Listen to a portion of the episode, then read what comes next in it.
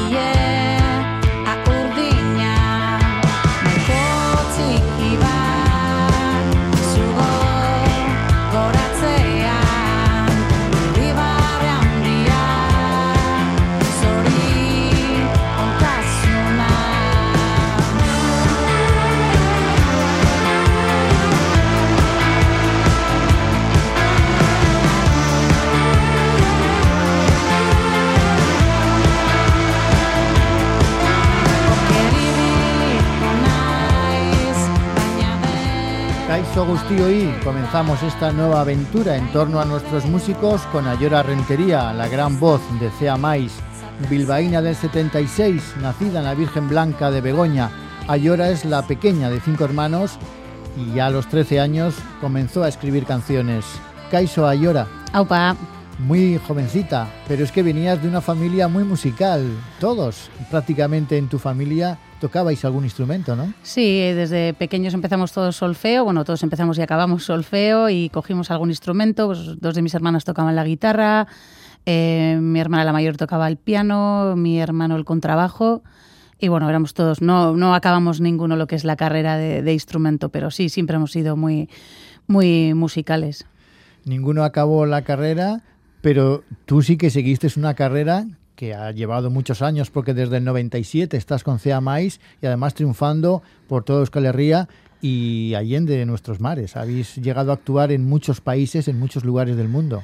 Sí, empezamos hace tiempo y bueno, pues disfrutando al final de todo este tiempo, ¿no? Y de, hacer música y si lo podemos hacer fuera de casa, pues, pues mucho mejor también, ¿no? A, ver mundo también, eso es interesante. Tú empezaste a los seis años con el solfeo, sí. como decíamos, pero es que luego también hiciste eh, violín, eh, cello. Sí, bueno, empecé violín, hice preparatorio y primero de violín, pero tengo, tengo el dedo muy pequeño, el dedo pequeño, muy pequeño, más pequeño de lo normal, y era imposible tocar el violín. Así, ¿eh? Imposible, no conseguía. Cuando tenía que poner el, cuarto dedo no me daba la mano. Entonces me cambié al, al violonchelo, y en el violonchelo sí que lo podía hacer. Llegaba, me costaba, pero, pero llegaba y jo, flipé. El, tiempo del violonchelo para mí ha sido una maravilla. No hice hasta, bueno, en realidad hice hasta séptimo, pero me, solo me, me, presenté hasta sexto. Luego ya tuve una, tuve una lesión. Bueno, cuando ya me junté con el trabajo no podía dedicarle mucho tiempo y luego ya tuve una lesión, me operaron y ya no, no he vuelto a tocar. ¿Guitarra también? Sí, guitarra, pero guitarra hacía crunchy, crunchy. Yo empecé a componer, empecé a tocar la guitarra con 13 años con un libro de, de, de U2 y ahí empecé pues, a aprender a poner acordes y empecé a hacer canciones. ¿Y cuándo descubres tu voz? ¿Cuándo descubres que, aparte de que efectivamente puedas tocar la guitarra o el violonchelo, lo tuyo es sobre todo cantar porque tienes una gran voz? Pues siempre he cantado, en casa también siempre cantábamos mucho, ¿no? Muchas canciones típicas de aquí, y en la Icastola también cantaba mucho y disfrutaba mucho cantando, de siempre, de siempre, con, con pues con discos de, de, niños como Telecanta y, y con Flannery y Taveras Taquilloa, yo flipaba, pero muchísimo, muchísimo, me sabía todas las canciones. Y, luego, pues a, los 13 años, cuando empecé con la guitarra, que empecé a cantar canciones y a componer, es cuando me di cuenta y empecé realmente a, a, a disfrutar de verdad, ¿no? ¿Y cómo luego una chica de Bilbao, del barrio de Santuchu, se junta con unos chicos que vienen de otros lugares, también de Bilbao, pero de Recalde, de Irala? ¿Cómo os juntáis, cómo os conocéis y cómo formáis CEAMAIS? Bueno, pues nos conocimos en, el viaje de estudios de la universidad. Acabamos todos, bueno, fue gracioso porque en el camino todos hemos intentado seguir el mismo camino. Intentamos hacer imagen y sonido en Erandio, pero no lo conseguimos ninguno. Y luego nuestra lista de universidad estaba Bellas, Bellas Artes para poder hacer eh, algo de sonido o de, o de, en ese sentido íbamos todos, pero al final acabamos todos en magisterio, fíjate tú. Hicimos magisterio musical tres de nosotros y, y Asier también hizo, hizo magisterio y nos juntamos en el viaje de estudios de los de magisterio musical en castellano y nos conocimos ahí en el, en el, en lo que es el viaje a, Londres de viaje de estudios. Bueno, Algunos estudiabais en castellano y otros en euskera. Sí, yo estudiaba en euskera y ellos estudiaban en castellano. Piti y Asier, el batería y el, y el guitarrista ya se conocían de antes y Rubén estaba justo en la clase de Piti, se conocieron ahí y bueno, pues en el viaje de estudios nos conocimos y a la vuelta al de mes y pico así nos juntamos en su local porque Asier y Piti tenían otra banda y tenían un local y nos juntamos allí. Y bueno, y ahí, y ahí empezamos a hacer, a hacer música juntos. Curioso, ¿no? Que os juntarais en Londres cuatro bilbaínos sí. Eh, que no os conocíais apenas, más que de eh, como mucho coincidir en las clases, y que de ahí los cuatro os pusierais de acuerdo cada uno en yo voy a tocar la guitarra, yo voy a tocar el bueno, bajo. Bueno, Piti, y Asiera tenían su banda, Asier tocaba la batería y, y Piti tocaba la guitarra, y justo conocí a Rubén y Rubén justo tocaba el bajo. O sea que tenías ya el grupo prácticamente hecho, solamente les faltaba una voz. Sí, yo me junté, yo lo, tuve todo hecho, sí señor. ¿Ellos nunca habrían pensado en que esa voz tenía que ser una voz femenina o, sí, o lo habían considerado antes de conocerte No creo, yo creo que fue casualidad, nos conocimos ahí, pues yo, yo en realidad... A ver, mi realidad es que me metí a magisterio musical porque como tenía algo de ponía musical, yo pensaba que iba a encontrar a alguien para hacer una banda y ya estaba acabando la carrera y no había conocido a nadie y estaba bastante desesperada y en el momento del viaje de estudios pues, pues les conocí, así que fue a lo que fui, lo conseguí en último momento y, fíjate lo que ha durado. Pero luego también has continuado con esa carrera musical en ese otro sentido porque has dado clases de música y la sigues dando y esto desde hace muchos años, en una escuela una escuela pública a niños desde muy pequeñitos, enanitos, hasta ya casi adolescentes, ¿no? Sí, me toca darles desde, bueno, últimamente desde dos, tres años hasta, hasta, hasta sexto es lo que, lo que hago. Y les doy música y bueno, y disfruto un montón disfruto realmente, es algo muy divertido. Es, costoso, al final estar con, con niños es algo que, que, te quita, te va quitando, te va quitando la vida poco a poco, pero realmente disfrutas un montón porque es una gozada. ¿Y ellos también disfrutan? Yo creo que sí. Yo, bueno, por lo menos es lo que intento. Supongo que tendré días mejores y peores, pero yo creo que sí, creo que, que, que, vamos encontrando bien el camino y yo creo que ellos van disfrutando y yo también. De esos alumnos seguro que luego han nacido muchos fans de CEAMAIS. ¿no? Pues espero. Siempre tienen mucho. A ver, lo que les, lo que más les importa es la fama en este momento. Entonces, lo, su pregunta no es qué es lo que haces o dejas de hacer o, les gusta o no les gusta. Lo que les interesa es si eres famoso o no, si la gente te conoce y si tienes likes. Eso es su, su mayor, su, yo que su mayor obsesión. Ya. Eh, si sales en la televisión, si no sales, si estás en los medios, si estás en las redes sociales, si estás en las radios, etcétera. Cuando lo importante está claro que no es eso. sí, pero bueno, para, pero para ellos es, importante, es importante. Eh, fue una casualidad que eh, coincidieran también los gustos musicales de los mm, cuatro alumnos que en aquel momento coincidís en ese viaje a Londres, cuando tenéis pues alrededor de 20 años, 20, 21 años, y que coincidiráis también en eso, porque eso es muy importante, ¿no? No solamente el que uno toque un instrumento y el otro otro, sino que también coincidiráis en la ideología musical, ¿no? Bueno, al final eh, éramos los, otros, los cuatro muy musiqueros, entonces escuchábamos todo tipo de músicas y, veníamos de, de, escuchar música muy diferente también. Pero en el momento que nos conocimos había puntos de, de había bandas, bandas en común en ese momento, pues puede ser pues unos, unos Per Jam, por ejemplo, y, y, empezamos realmente a, a conocer nuevas bandas ya juntos. ¿No? Ya era otra manera de verlo. Claro, porque también erais muy jóvenes y estabais formando ese Eso es, entonces muchas, muchas bandas las hemos ido conociendo juntos, ¿no? Como unos Queen of the Stone Age, que, que, es, que nos gustan a toda la banda, unos Solwax, unos... Eso hemos ido conociéndolo en el camino, ¿no? Y previo, pues cada uno teníamos nuestros gustos y los hemos ido juntando, porque presentábamos realmente, pues eh, yo estaba, me, encantaba Per entonces yo, eh, pues cada uno hacía, hacíamos versiones y, al, muchas versiones al principio, y pues así íbamos presentando cada uno la música que le gustaba a cada uno, ¿no? Piti era mucho más heavy antes también, entonces tiene, tiene un, camino muy heavy a, sus espaldas. Pues Rubén también tenía una banda, pues eso, cada uno tenía sus, sus estilos, pero al final nos juntamos y, empezamos a poner en común todo eso, ¿no? Y porque lo que nos interesaba era realmente hacer música y disfrutarlo. Entonces buscamos nuestros puntos en común y luego ya pues juntos hemos ido conociendo y, aprendiendo. ¿no? El entorno está muy claro, que era un entorno urbano de la ciudad de Bilbao, de, barrios como pueden ser Santuchu, Irala o Recalde Berry, y eso también eh, qué duda cabe que marca el carácter de los de un músico y de un grupo, ¿no? Sí, quieras o no, al final es lo que conoces, ¿no? Somos de, la misma zona, somos gente de barrio, somos gente humilde y, eso también te hace, te hace un carácter y te hace una manera de, hacer música y de ver las cosas. Supongo que todos tus hermanos, ya hemos dicho que tú eres la pequeña de un total de cinco hermanos, se habrán quedado un poquito con la cosa de que tú has trascendido y has tenido el éxito en la música y ellos que empezaron antes a dar esas clases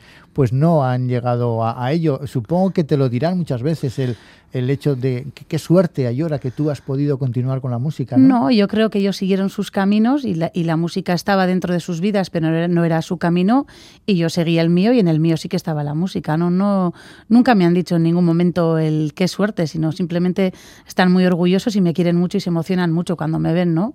y, eso es bonito. Pero nunca, nunca me han dicho nada de qué suerte tú y no, sino, sino lo ven como natural, ¿no? Yo eh, ellos fueron dejando las cosas y yo me mantenía ahí, ¿no? Pues con el chelo estuve, estuve un montón de años y tocando en un montón de orquestas y yo me mantuve ahí y ellos ya lo fueron dejando por el camino, ¿no? De una manera natural y cada uno se iba centrando en, las cosas que más le interesaban, siempre con la música, porque la música, eso en mi familia siempre ha estado muy, muy presente, muy presente. Sí, está claro que eso te ha marcado también el hecho de que toda la familia se dedicara y que no tuvieras eh, en ese sentido ningún tipo de, de problema, sino todo lo contrario. Supongo que también tus padres te animarían a, emprender un camino musical que todo el mundo sabe que no es fácil. a ver, nuestros, nuestros padres lo primero que hicieron fue obligarnos a todos a hacer solfeo. O sea, nos metieron a todos a solfeo, no por gusto, sino nos metimos ahí.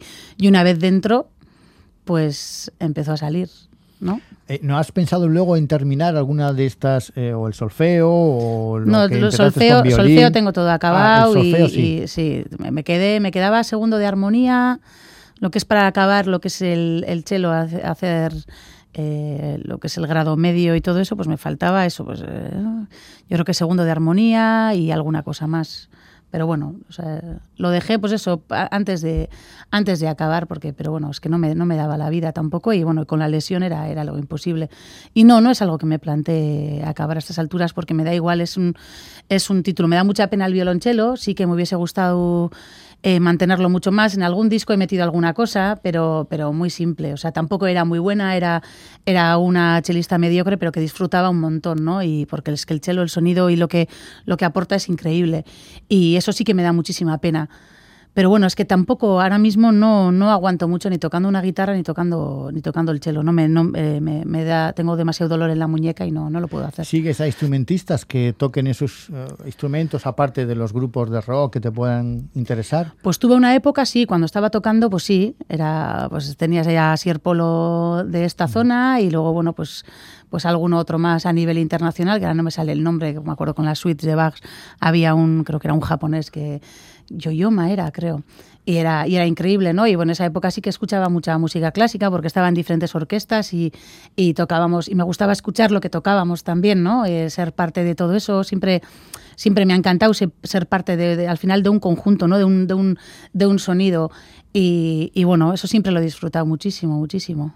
Pero si volvemos un poco a tu niñez, la primera canción, una de las primeras que te pudo llegar muy dentro, fue una canción que sonaba mucho en las radios en los años 80 eh, más o menos, a finales de los 80, cuando tú eras una niña, y que además creo que te viene también por un asunto familiar, por, por una Iseco, una tía tuya que fallece repentinamente, y esa canción tiene una pues eso, un sentido especial para ti, ¿no? Para mí fue eh, una, ayuda muy grande, ¿no? Mi, tía hizo un viaje a París con una hermana mía y, se murió allí, ¿no? Y fue de repente, no se lo esperaba nadie. Eh, le llamábamos Iseko y Sikochu.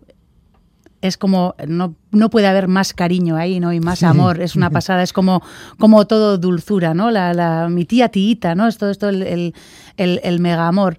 Y, y la perdimos así de repente, entonces fue muy duro. Y, y, en esa época estaba la canción, la canción de Black, la de, la de Wonderful Life, y, y, y me sirvió, la, usa, la, la escuchaba en bloque porque, porque es que la necesitaba, ¿no? Era era pues me daba pues dentro de, de, la mierda y el dolor que estaba sintiendo eh, estaba contando que la vida es una maravilla, aunque él parece ser que en su letra fue bastante cínico ¿no? de, de, de lo que estaba hablando, pero, pero mi lectura fue así, ¿no? que, que realmente, bueno, pues esto, esto ha pasado, hay que tirar hacia adelante y realmente la vida es maravillosa y tenemos que, que darle una vuelta. Y eso estuve pues, pues mucho, mucho tiempo escuchándola en bucle, o sea, en bucle. Quizá haya cierta ironía en esa letra, en esa canción, mm. e incluso en la música, que es por un lado, es alegre, pero también es triste. Sí también es melancólica mm. y la letra que efectivamente pues dice que no hay necesidad de reír y de llorar, que tú necesitabas en aquel momento las dos cosas, mm.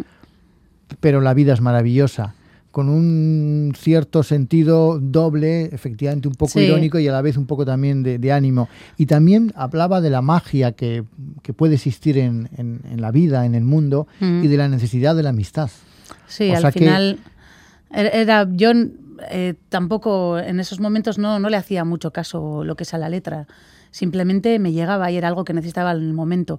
Y eso es para, eso queda, deja claro que al final la música es curativa y cada uno busca lo que necesita en, en, en, un momento ¿no? para, para, sentirse mejor o para, o, para, para, o para meterse en la mierda por completo. ¿no? Eso te lo, te lo puede dar la música. Y, y yo, para mí fue, fue mágico y, y, era algo que necesitaba en ese momento. Pues vamos a despedirnos con esa canción, con ese Wonderful Life que Ayora escuchaba con 12 años allá por finales de los años 80 con esta canción. Ojos tristes, magia en todas partes, los sueños eh, cuelgan en el aire. Pues que se te cumplan los sueños de ahora en adelante para siempre. Ayora, es que ricasco, ha sido un placer estar contigo. Igualmente, ya se me han cumplido y ya se irán cumpliendo unos cuantos más. Es que ricasco, agur.